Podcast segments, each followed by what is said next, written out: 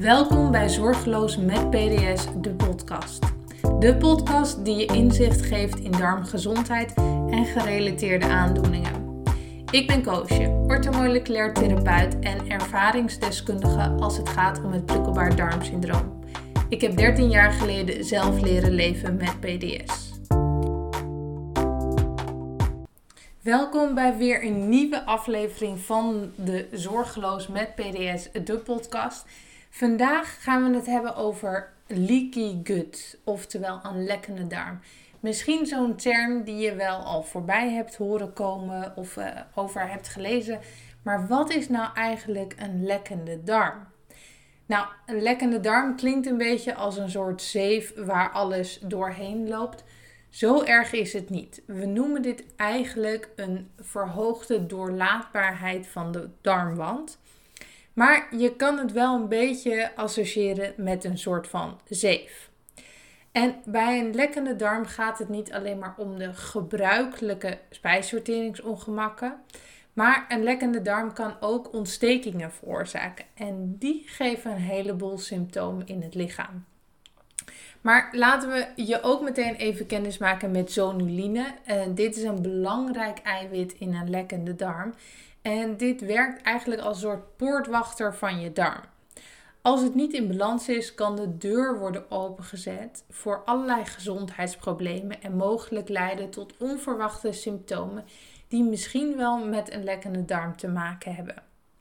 Dit stofje zonuline, dat kunnen we dan ook meten in je ontlasting. En dit nemen we dan ook altijd mee in een ontlastingsonderzoek.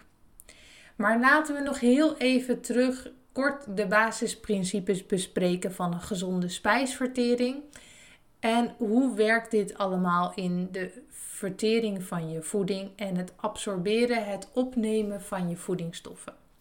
Nou, het begint natuurlijk allemaal in je mond. Hè? Dus het spijsverteringsproces start in de mond, waarbij het voedsel wordt fijn gemalen door te kauwen en het wordt vermengd met speeksel. Dit speeksel bevat enzymen die zetmeel afbreken tot hele eenvoudige suikers. Na het kauwen wordt het voedsel doorgeslikt en reist het door de slokdarm naar de maag. Door een soort knijpbeweging helpt het voedsel naar de volgende fase. En aangekomen in de maag wordt het voedsel blootgesteld aan maagzuur en nog meer spijsverteringsenzymen. Deze omgeving helpt bij de afbraak van eiwitten en steriliseert de maaginhoud. Dus het doodt ook meteen de eerste ziekteverwekkers af. Om vervolgens richting de dunne darm te komen waar de meeste spijsvertering en de opname van voedingsstoffen plaatsvindt. Hier mengen gal, afkomstig van de lever, en alvleeskliersap zich met het voedsel. De enzymen in deze vloeistoffen breken vetten, koolhydraten en eiwitten verder af tot eenvoudige moleculen die kunnen worden opgenomen.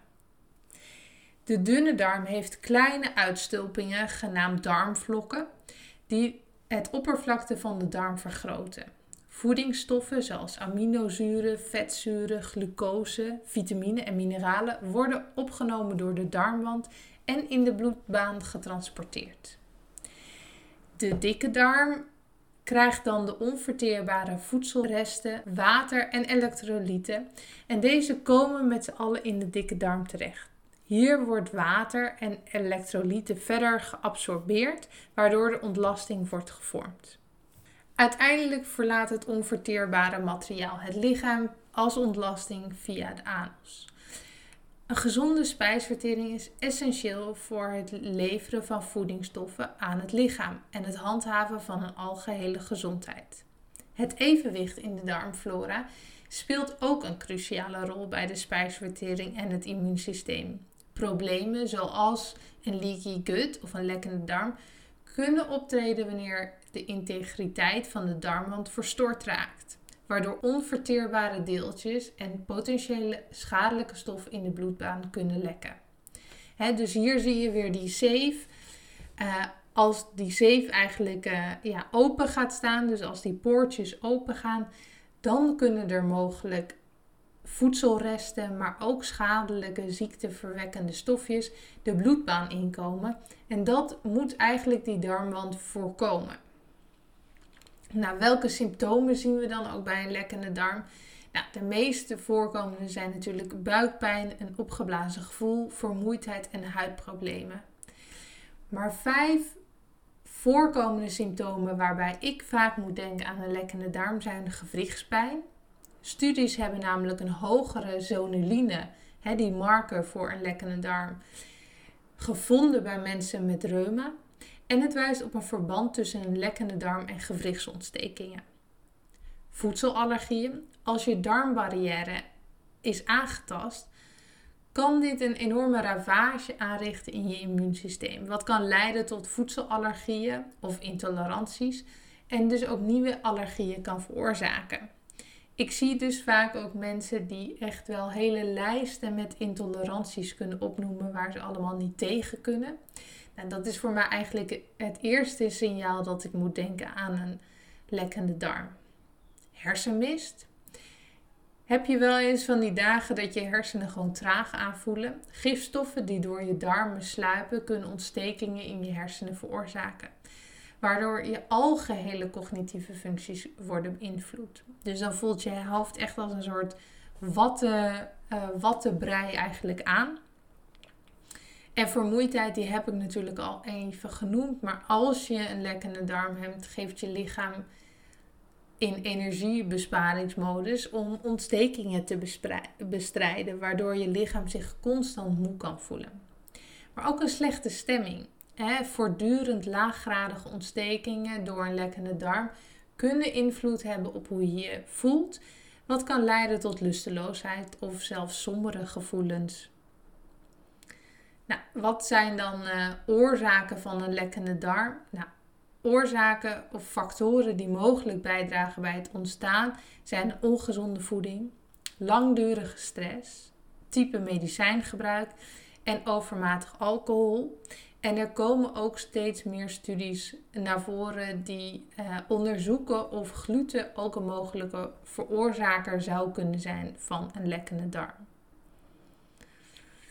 Nou, welke voeding heeft dan invloed op een gezonde darm? Hè? Want als we die darm gezond kunnen houden, is de kans dat we zo'n doorlaatbaarheid uh, krijgen natuurlijk uh, minder groot. Nou, voeding speelt hierbij echt een cruciale rol. En um, het, type voedsel dat je eet kan ook de samenstelling van je darmflora beïnvloeden. Hier zijn enkele aspecten. Ik heb ze al in andere podcasts dus ook vaak genoemd, maar we gaan ze toch nog heel kort even uh, opsommen. Vezelrijke voeding. Vezels zijn essentieel voor een gezonde darmfunctie. Ze fungeren als voeding voor gunstige darmbacteriën, waardoor je hele darmflora in balans blijft. En vezelrijke voeding vind je onder andere in volkoren granen, in groenten, in fruit, in noten en in zaden. Gefermenteerde voeding. Voedingsmiddelen die van nature gefermenteerd zijn, bevatten eigenlijk een natuurlijke probiotica. Die gunstige bacteriën bevatten voor de darm. Gefermenteerde voedingsmiddelen zijn bijvoorbeeld yoghurt, kefir, zuurkool, kimchi, miso en ook gefermenteerde sojaproducten. Nou, dan hebben we natuurlijk ook nog de prebiotische voedingsmiddelen. Prebiotica is een voedings stof die de groei en activiteit van de gunstige bacteriën in de darmen bevordert. Voorbeelden hiervan zijn ui, knoflook, prei, banaan, haver en asperges. Omega-3 vetzuren, vooral die afkomstig zijn van vette vis zoals zalm, makreel, haring, sardines, hebben on ontstekingsremmende eigenschap en kunnen helpen bij het handhaven van een gezonde darmwand. Antioxidantrijke voeding, voedingsmiddelen die rijk zijn aan antioxidanten zoals bessen, groene bladgroenten en noten kunnen bijdragen aan het verminderen van ontstekingen en het beschermen van darmcellen tegen schade. Het drinken van voldoende water is belangrijk voor een goede spijsvertering en helpt constipatie te voorkomen. Het hydrateert ook de slijmvliezen in de darm en die moeten dus die darmcellen weer beschermen tegen alles wat van buitenaf komt. En laatste twee zijn eigenlijk het beperken van toegevoegde suikers en bewerkte voedingsmiddelen. Het overmatig consumeren van toegevoegde suikers en bewerkte voedingsmiddelen kan de groei van schadelijke bacteriën in de darm bevorderen en ontstekingen veroorzaken. En dat kan eigenlijk weer zo'n lekkende darm in de hand werken. Nou, en voor sommigen uh, geldt ook dat dus een glutenintolerantie uh, de oorzaak kan zijn van zo'n verhoogde doorlaatbaarheid. Het is natuurlijk heel belangrijk om hierbij even op te merken dat individuele reacties op voeding kunnen variëren. Wat goed is voor de ene persoon kan mogelijk problemen veroorzaken voor een ander. Het is altijd raadzaam om naar je eigen lichaam te luisteren en natuurlijk eventueel een uh, intolerantietest te laten doen als je twijfelt of je tegen bepaalde voedingsmiddelen wel of niet kan. Een andere belangrijke is je levensstijl. Want uh, je levensstijl, zoals bijvoorbeeld langdurige stress, onvoldoende slaap en weinig lichaamsbeweging, kan er ook voor zorgen dat je darmflora uit balans raakt en dat je spijsverteringssysteem verminderd werkt. En hierdoor kan uiteindelijk dus een lekkende darm ontstaan. Een hele hoop informatie in 10 minuten. Ik hoop dat je er wat aan hebt gehad en dat je hiermee een idee hebt gekregen wat een lekkende darm is, wat de mogelijke klachten zijn en ook wat je eraan zou kunnen doen om een lekkende darm te voorkomen.